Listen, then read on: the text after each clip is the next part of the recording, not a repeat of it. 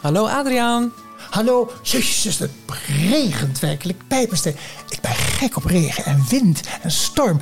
Weer kan me niet slecht genoeg zijn. Het is zo leuk. Komt vast door mijn jeugd aan zee. Slecht weer was heerlijk.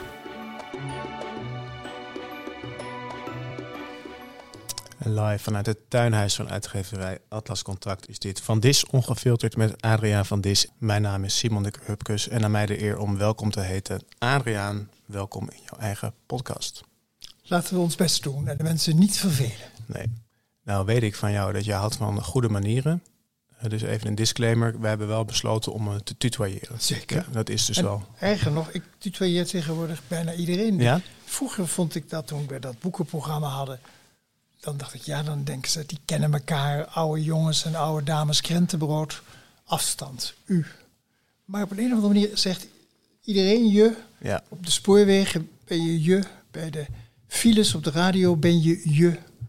En ik betrap me erop dat ook nu iedereen jonger is geworden. Bij Albert Heijn, aanvankelijk zei ik toen ik eens een keer twee jonge mannen, schappenvullers, aansprak met heren, kunt u mij? En die, hun mond viel open. Zo'n rare manier hadden Ja. ze nog nooit op. een- Dus tegenwoordig zeg ik ook tegen iedereen je. ja. Maar als je bijvoorbeeld een brief krijgt van de bank. eh, Dan word ik ook, ik, mevrouw Ja. Cindy Kroon van Vattenval, Ja. die zegt, beste Adriaan, hier heb je je eindrekening. ja, er zijn mensen die zich daarover opwinden, maar, niet Adriaan van Dis. laten we beginnen met het volgende. Je moet je erger aan dingen die er werkelijk toe doen. Ja. En dit soort dingen, let it flow, Ja. accepteer het, want dat is de andere tijd die wij Ja. thans betreden. Laat je er niet door, niet door afleiden. Nee, ik ga het ook proberen. Ik val nog wel heel vaak terug in een soort oude gewoonte. Als ik mensen zie die ja, ietsje ouder zijn dan ik, dat ik dan toch netjes ben opgevoed. En dan krijg je een raar gesprek, want dan schakel je voortdurend tussen u en je.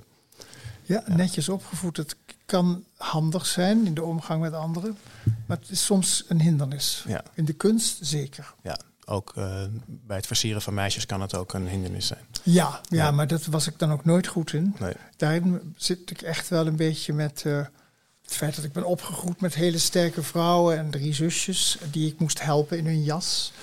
Mijn vader stond op als er een dame binnenkwam, dus als er verjaardag was. In de tijd dat de mensen in een kring zaten, zat mijn vader was een soort wippende aanwezigheid, want die sprong de hele tijd maar op. Die tijden zijn voorbij. Die tijden zijn voorbij.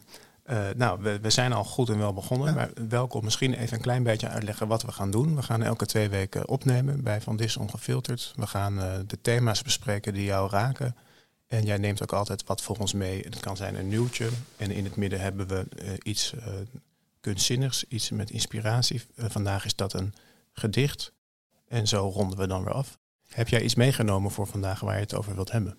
Nou, niet iets wat mij opvalt vandaag in de kranten, is dat we er weer in excelleren met de komende verkiezingen om de wereld kleiner te maken. Ja. Wat bedoel je daarmee, kleine? Nou, onderling gekrakeel, dat het vooral toe doet eh, wat, eh, wat voor ruzietjes er zijn. Woordvoerders die naar buiten treden en na twee uur er weer op Ja. moeten houden omdat ze iets beledigend over een andere partij hebben gezegd. Jij refereert aan de perikelen bij Partij voor de Dieren en En een nieuw sociaal contract. Ja, precies. Maar ik- ja, dan denk ik, jeetje, jongens, we leven in een wereld waar overal bijna dezelfde problemen zijn.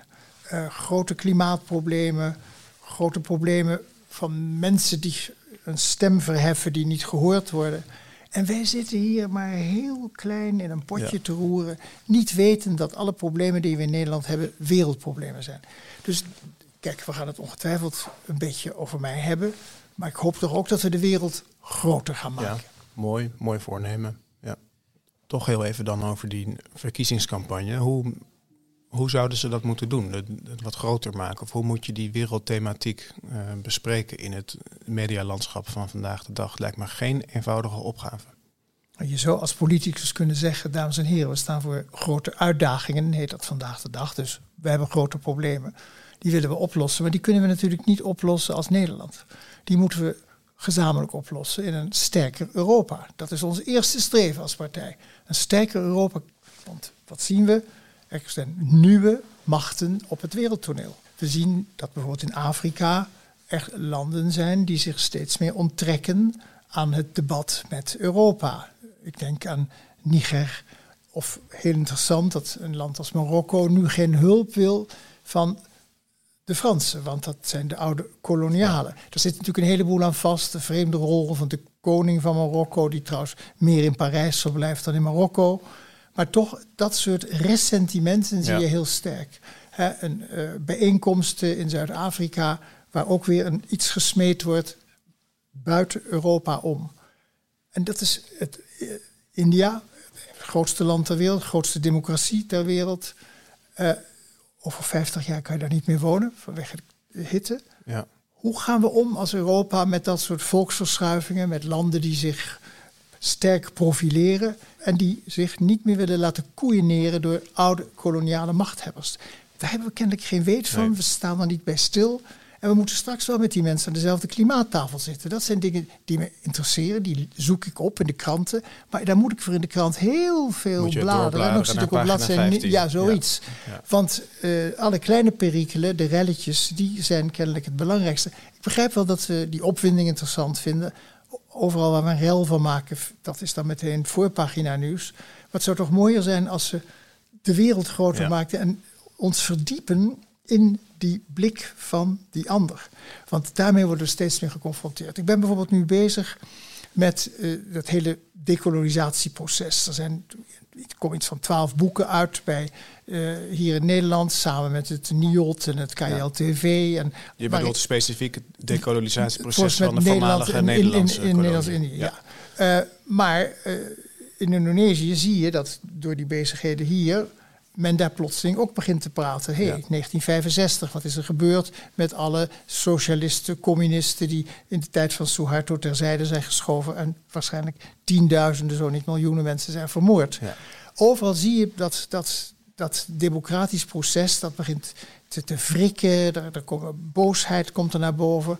En dat, ja, dat, daar moet ruimte aan gegeven worden. En de mensen kunnen door sociale media die ruimte ook vinden. Dus allerlei oude instituties kraken. En dat vind ik belangrijk en interessante processen. Al lezend ontdekte ik bijvoorbeeld dat wij toen dat land onafhankelijk werd, Indonesië uh, 4,5 miljard uh, hebben laten betalen voor de schulden of voor de kosten die Nederland heeft gemaakt om het land opnieuw te bezetten na de ja. oorlog. Dat is met Aanvankelijk was 6,5 miljard gevraagd. Door tussenkomst van de Amerikanen is dat met 2 miljard verlaagd. 4,5 miljard aan een jonge staat die zich moet opbouwen. En daarna hebben we nog een heleboel vergoedingen weten los te peuteren van bedrijven die genaast waren. Van allerlei winsten van bedrijven die toch naar Nederland moesten toevloeien.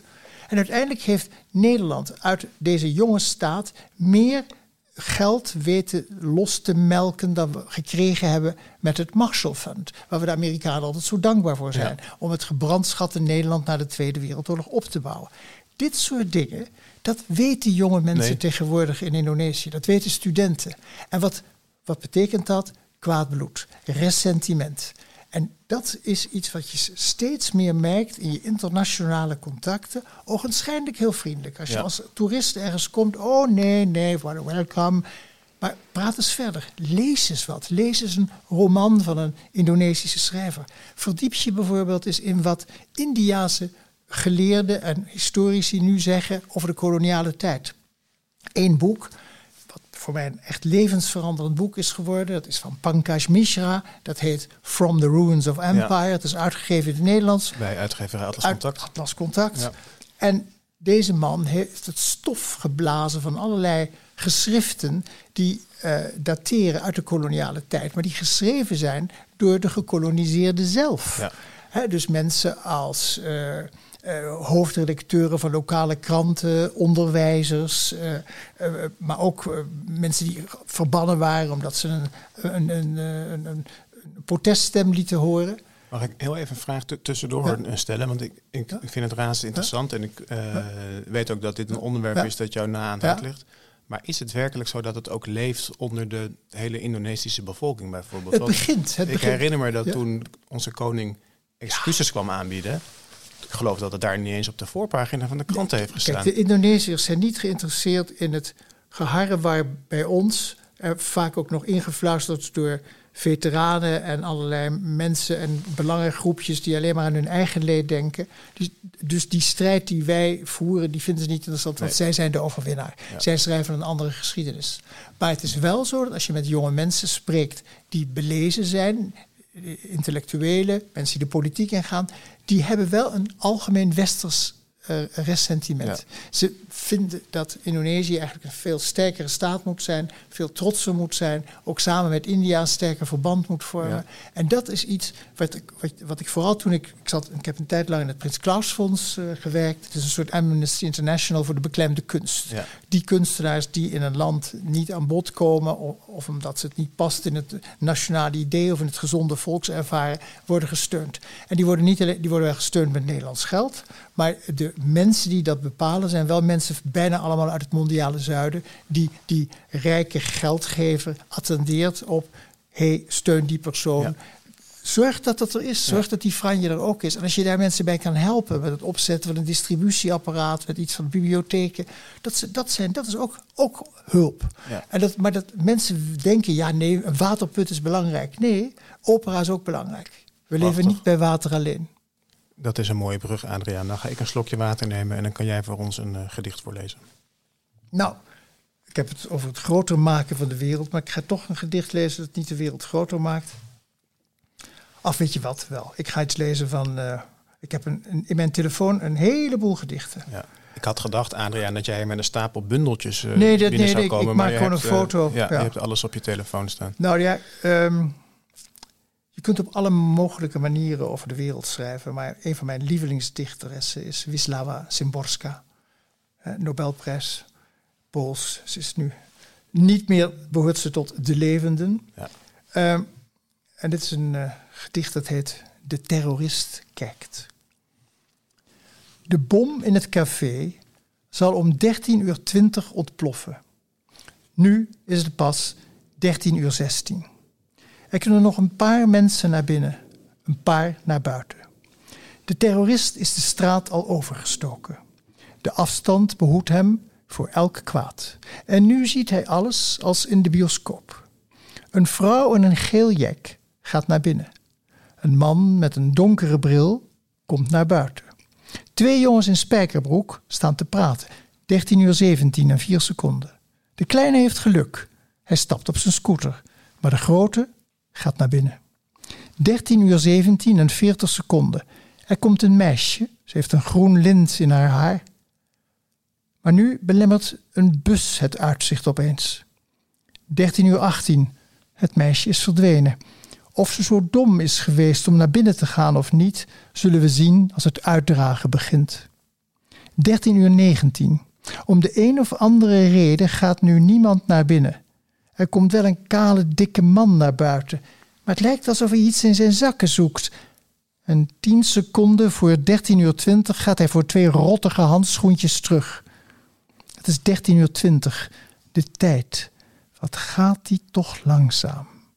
Nu is het vast zover. Nog niet. Nu dan. De bom. Ontploft. Zo eenvoudig. Ja. En zo spannend. Absoluut spannend. En dit lees ik wel eens voor op een school. Want als je zegt poëzie ja. tegen jonge meisjes, jonge mensen van 14, 15, dan beginnen ze al te geeuwen. Kijk eens hoe je heel compact een verhaal kan vertellen. En wat is nou het geheim van de compactheid van dit vers? Het is zomaar, elke week zal ik een gedicht lezen. Dit valt niet uit te leggen. Het is alleen maar lees Szymborska. Lees ook, als je even wil, ontvluchten aan de narigheid van de dag. Neem een gedicht en je maakt een kleine reis met je kop en het, uh, ja, het verkwikt je. Het is prachtig, Adriaan, ook hoe jij het voorleest. Maar waarom is dit een, een gedicht en niet een, een, een, kort verhaal bijvoorbeeld? Wat maakt het nou tot poëzie? Het wit in, het, in de tekst maakt het voor een belangrijk deel tot poëzie. En het is de kernachtigheid. Het zou wel een heel kort verhaal zijn. En als je het achter elkaar tikt, dan uh, heb je misschien niet door dat je die pauzes moet nemen. Dus ze helpt je, als het ware, van proza een gedicht te maken. Maar dat, het is een heel, je kunt daar lang en breed over praten. Maar ik moet zeggen dat ik heel vaak wel boeken ter hand neem. En dan wel eens denk, hé, hey, dit is een dik boek waar een dun boek uit wil. Dit is een lang verhaal waar een smal verhaal gaarne aan zou willen ontsnappen. En zo kun je ook een beetje omgaan met alles wat je leest in de wereld. Het zijn verhalen, maar wat is het werkelijke verhaal dat nou eigenlijk verteld moet worden en wat we kennelijk niet lukt om verteld te worden? Misschien helpt poëzie een klein beetje om wat concreter te worden. Prachtig. Ik moest ook, terwijl je dit voorlas, zag ik daar een vlieg lopen en ik ging die in één keer heel aandachtig bestuderen, omdat het was een mooi twee-sporen-beleid. En die vlieg luistert ook mee? Die luistert ook mee. En ik moest ook denken aan het boek uh, Luister van Sascha Bronwasser over de aanslagen in Parijs in de jaren 80. Ik ga het je meegeven. nee, ik heb het. Ja, u hebt het thuis al. Ja, ja. Uh, heel goed. Uh, even terug naar dan waar we het voor het gedicht over hadden. Dat de grote, de wereldproblematiek, de nieuwe manier waarop het Westen en het mondiale Zuiden zich tot elkaar gaan verhouden of moeten verhouden of interesse in elkaar tonen. Maar dan heb ik nog niet een antwoord gehoord op hoe moeten we dat dan in de verkiezingscampagne aan bod laten komen. Want ik hoor Caroline al zeggen, wat heb ik te maken met, met droogte in uh, India? Ik, ik, ik wil opkomen voor mijn mensen in, uh, in de Achterhoek. En dan geeft haar eens ongelijk, want het zijn Caroline verkiezingen heeft voor alles ons, te maken ons parlement. Met, kijk, dat, dan moeten ze zeggen, kijk, wij hebben alles te maken met de droogte in India. Want wat wij moeten inzien, is dat er al een heleboel klimaatvluchtelingen onder ons zijn. Dat ze als dat niet alleen te dringen bij de Middellandse Zee, waar we ze nu dan lezen van een boot die vergaat. En dat is ook iets voor pagina 19. En soms zijn we even begaan en dan gireren we wat. Ik zeg je, over een jaar of 20, 30 komen de eerste kleine Dickensjes. Dat zijn de nazaten van de bootvluchtelingen. Die vertellen het verhaal. En dan zeggen we, oh, is het zo erg? Ja, zodra je het fictionaliseert, dringt het tot je door. Het is nu aan de politici om het niet te fictionaliseren, maar te realiseren. En moeten we ook ons beseffen dat de wereld aan het verschuiven is. Waar belanden wij zelf? En hoeveel mensen zijn er al op drift geraakt? En ook nog eens een keer, omdat wij gezamenlijk afspraken moeten maken. Hoe gaan wij straks aan tafel? En wat is de solidariteit binnen Europa? En, en de, als je dat niet kan uitleggen, volgens mij kan je dat heel goed uitleggen. Nee, nou, jij kan dat bijvoorbeeld heel goed uitleggen en ik hang daarbij aan je lippen. Maar ik, ik heb ook een stemmetje in mijn achterhoofd die zegt, ja, hier wil je geen verkiezingen mee. Dus ik, ik, ik snap het ook wel. De, het lijkt me een helskarwei voor de, de, de politici die dit willen vertellen. Er is een neiging op het ogenblik in Nederland om alles gewoon te maken. Ik hoorde laatst een mevrouw bij de spraakmakers op NPO 1 in de ochtend. Er worden journalisten uitgenodigd. Ja, en dit was een mevrouw die kwam uit Friesland, verbonden bij een, een of andere regionale omroep. Haar werd gevraagd wat ze vond van Frans Timmermans, die de groen-rood coalitie nu leiden gaat. Ze zei, nou, al erg elitair met al die talen en zo. Kijk, dat is nou heel erg, dat vinden de mensen leuk. Elitair met al die talen en zo.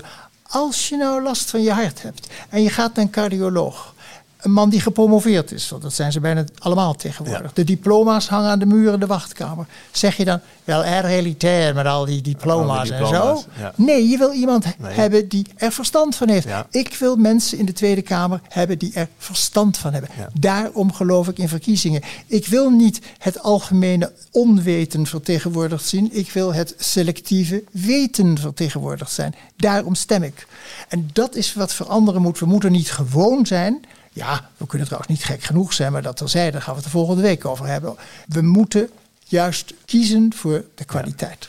Maar jij vertrouwt, voor mijn gevoel, vertrouw jij dus de kiezer eigenlijk meer dan de, de gemiddelde politicus? ik vertrouw de kiezer buitengewoon. Maar je moet wel hun belangstellingsveld zien te raken.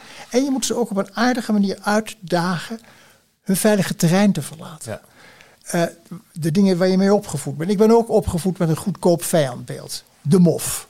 Ja. Uh, en ik heb het, dan heb ik het maar even niet over de, de Jap. Hè, De ervaring van mijn ouders in een Japans interneringskamp. Maar eenmaal aangekomen in Nederland, omarmde ook mijn ouders om bij Nederland te horen datzelfde goedkope vijandbeeld. Dat zat ook in mij.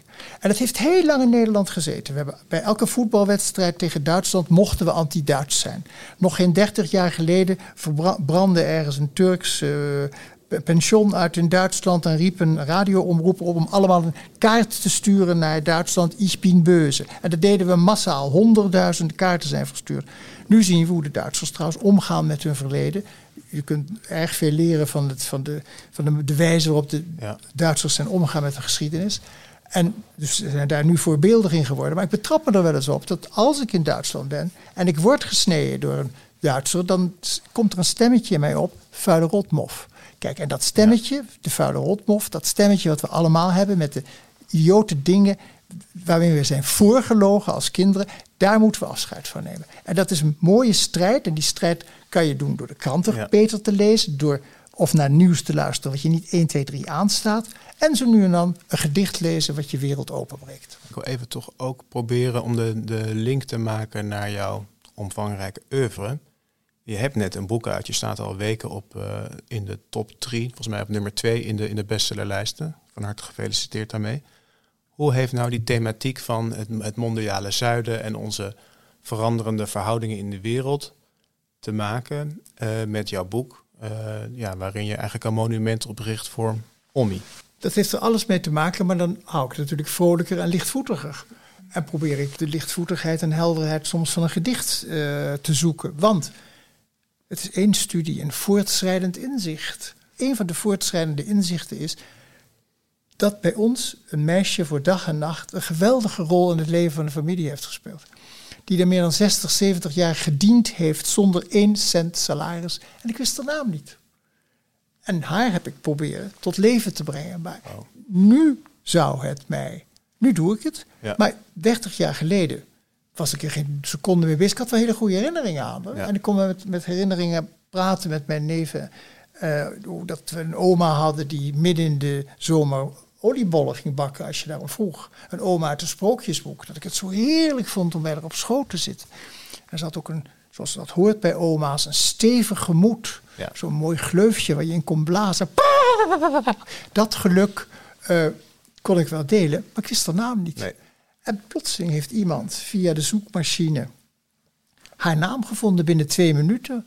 Want ze heb je een adres. Ze komt in Breda, ik noemde het adres. Ah, ze heeft ooit een 2 gulden 50 gewonnen bij een puzzel in het Breda's Dagblad. Geweldig. En als je een achternaam hebt, dan heb je voor je het weet ook een geboorteplaats. En voor je het weet ga je graven en komt er een leven naar boven. En als je dan ook nog een dikke duim hebt, kun je dat leven nog meer inhoud geven. Goed, dat is dus voortschrijdend inzicht. En tegelijkertijd ben ik natuurlijk opgevoed in een wereld van mensen die er ook niet zo toe deden. Een werkeloze vader, uh, mijn moeder die met een Molukker was getrouwd, in een huis met repatrianten die ook met de nek werden aangekeken in Bergen aan Zee. Dus ik ben licht gevoelig voor mensen die andere mensen met de nek aankijken. Daar probeer ik dan met, met grappigheid en lichtheid over te schrijven omdat het uiteindelijk allemaal over oorlog gaat. En wat mij opwindt, wat mij raakt, keer op keer, is dat wij de pijn doorgeven aan onze kinderen. En de verhalen doorgeven, ook als we ze niet benoemen. Je kunt ook zwijgen met een uitroepteken. En ik begon met bepaalde herinneringen. Toen was ik in het ziekenhuis om iemand op te zoeken die heel erg ziek is. En ik was op de afdeling oncologie. En ik werd gepasseerd door een zwarte mevrouw die mij aankeek. En die zei, bent u meneer Van Dis? Ja, ik heb van u een boek gelezen, dat heet In Afrika. En door dat boek weet ik wat er met mij gebeurd is. Hoezo? Mijn ouders komen uit Beira in Mozambique. Dat was een burgeroorlog, een van de vreedste burgeroorlogen van na de oorlog, na de Tweede Wereldoorlog. En die zijn uiteindelijk gevlucht, konden vluchten. En ze hebben mij meegenomen. Ik was elf jaar, ik kwam in een nieuw land en ik leerde Nederlands spreken. Ik vond het allemaal opwindend. Ik ben beschermd opgevoed, daar herinner ik me wel. De bombardementen, de lijken die aanspoelden. Maar toch werd ik daarvan weggehouden. Mijn vader had wel last van die oorlog. Ik herinner me dat mijn vader soms s'nachts schreeuwend wakker werd. En nu ben ik in een ziekenhuis en hou ik de handen vast van de stervende. En nu heb ik last van de oorlog van mijn vader. Ja. Zij zei dat, de tranen welden in haar ogen, de tranen welden in mijn ogen. Daar stonden we, twee wildvreemden, in een ziekenhuisgang. Zij in haar witte uniform, ik met een verlept bosje bloemen op, zoek naar, op weg naar een patiënt. En we omhelsten elkaar. Prachtig. En zeg mevrouw, maar daar, schrijf ik, daar wil ik nu net een boek over schrijven. Ik wil schrijven over hoe we de dingen doorgeven aan de kinderen. En dat we daar maar geen rekening mee houden. Dat we het maar niet kunnen doorknippen. Die godverdomde ellende van die klote oorlogen. Ik ging naar huis, ik schreef het meteen op, ik verplaatste het natuurlijk. Ik maakte het minder ijdel, niet de titel van een boek, maar ik laat het, liet het in een park plaatsvinden. Zo is het begonnen, dat het heden mij telkens katapulteert naar dat verleden. Geweldig. Dus, ik, ik, ga nog een gedicht, ik ga een gedicht lezen, een ander gedicht, lezen. Want kijk, die Ommi ging dood. Zij had kanker. En nou kun je op allerlei manieren omgaan met kanker. Maar één gedicht heb ik met een kankerpatiënt doorgenomen. Dat heeft ons allebei enorm veel steun gegeven. Dat is het gedicht van Marsman en het heet Lex barbarorum, de vrede wet. Geef mij een mes. Ik wil deze zwarte zieke plek uit mijn lichaam wegsnijden. Ik heb mij langzaam recht overeind gezet. Ik heb gehoord dat ik heb gezegd in een huiverend, donker beven: Ik erken maar één wet: leven. Allen die wegkwijnen aan een verdriet verraden het. En dat wil ik niet. Kijk, één klein gedicht. En wat zegt het niet? Ik krijg er kippenvel van. Ja, mooi. Wat ik nog had aan slachtofferschap is uh, meteen voorbij. Lees Marsman. Lees Simborska. Pak een bundel. We gaan richting de afronding, ja. uh, Adriaan. Fantastisch, uh, deze uh, eerste opname. Ik zit, ik zit te genieten. maar omdat je boek net uit is, heb jij veel optredens. Ja. jij wordt nog steeds geïnterviewd. En eentje wil ik even met je voorbeschouwen. ik heb gehoord dat jij zondag gaat zitten met niemand minder dan Ivo Nieën. op het terras van Café de IJsbreker. Ja. Waar ik elke dag langs fiets heen en weer naar mijn werk. Uh, en uh, waar ook vroeger uh, jouw de prachtige tv-programma... Van, van Dissen, de IJsbreker. Of Hier is Van Dissen. Hier is Adriaan van Dissen, ja. Um, kom je er nog wel eens trouwens? Ja, ja, ja, ja, ja, maar het, kijk, vroeger was een klein theatertje waar moderne muziek werd gespeeld. Veel piep en kras. En daarachter was een balletzaaltje. en daar ontvingen wij onze gasten in de antichambre. En en ja, dat, dat was grappig. Als je er nu nog wel eens naar terugkijkt op YouTube, mensen van mijn leeftijd, dus allemaal mensen van na de watersnood, zien dan allerlei bekende gezichten van schrijvers Ja. en dichters die al lang dood zijn, maar die zaten dan in het publiek. Ik moet daar een praatje houden, een wandelingetje houden, Ja. een verkennend iets over Amsterdam, hoe ik omga met mijn tijd. Ja. En ik hoop hem te kunnen vertellen dat ik mijn tijd vul met eh, gewoon heel hard werken. En maar het is niet super origineel dat ze dan de ijsbreker uitkiezen. Dat heb ik Dat uitgekozen. heb je zelf uitgekozen. Eh, want ja. dan dacht ik, heb ik ook een bruggetje. Ja. Eh, en het wonderlijke van die ijsbreker is dat er. Het, het leeft nog heel sterk, die, die, die gesprekken. Ik hoorde laatst dat er een groepje studenten in Leiden is. En die doen mij na. Ha. Die gaan zich heel raar verkleden met de, de jassen en dassen. In de volksmond ook wel stropdas genoemd. En pochets. En dan gaan ze nog raarder praten dan ik al doe. En dan gaan ze elkaar interviewen. En daar hebben ze veel plezier in. Ja. Dus zo zie je maar dat je uiteindelijk jezelf overleeft met mensen die je na gaan doen. En, en nou is het niet de eerste keer. Je bent eerder geïnterviewd door uh, Ivonie. Ik vind het heel erg raar dat Ivonie nog nooit een Nipkoff-prijs heeft gekregen. Ja. Die man maakt al 50 jaar televisie, heeft de grote der aarde geïnterviewd en doet hij op een eigenzinnige manier die sommigen tegen de haren instrijkt. Maar ik vind dat zo klein. Eh, Hupsakee, die man hoort erbij. Geef die man een ere Nipkoff-prijs. Punt uit klaar. Ja. Neem de problematiek van de klimaatvluchtelingen heel serieus en geef Ivonie alsjeblieft de Nipkoff-schijf. Zo wil ik graag deze eerste aflevering van Van Dis Ongefilterd samenvatten. Over twee weken zijn we er weer. Dank Simon. You're my sparring partner. Dankjewel, Adriaan. Het boek over Ommi is getiteld Naar zachtheid en een warm omhelzen. Onder andere te koop op boekenwereld.com of bij uw eigen literaire boekhandel. Van Dis Ongefilterd is een podcast van uitgeverij Atlas Contact. Presentatie Simon de Hupkes. Regie, productie en montage Ellen van Dalsem, Bartje Ronkiers en Erik Bransen.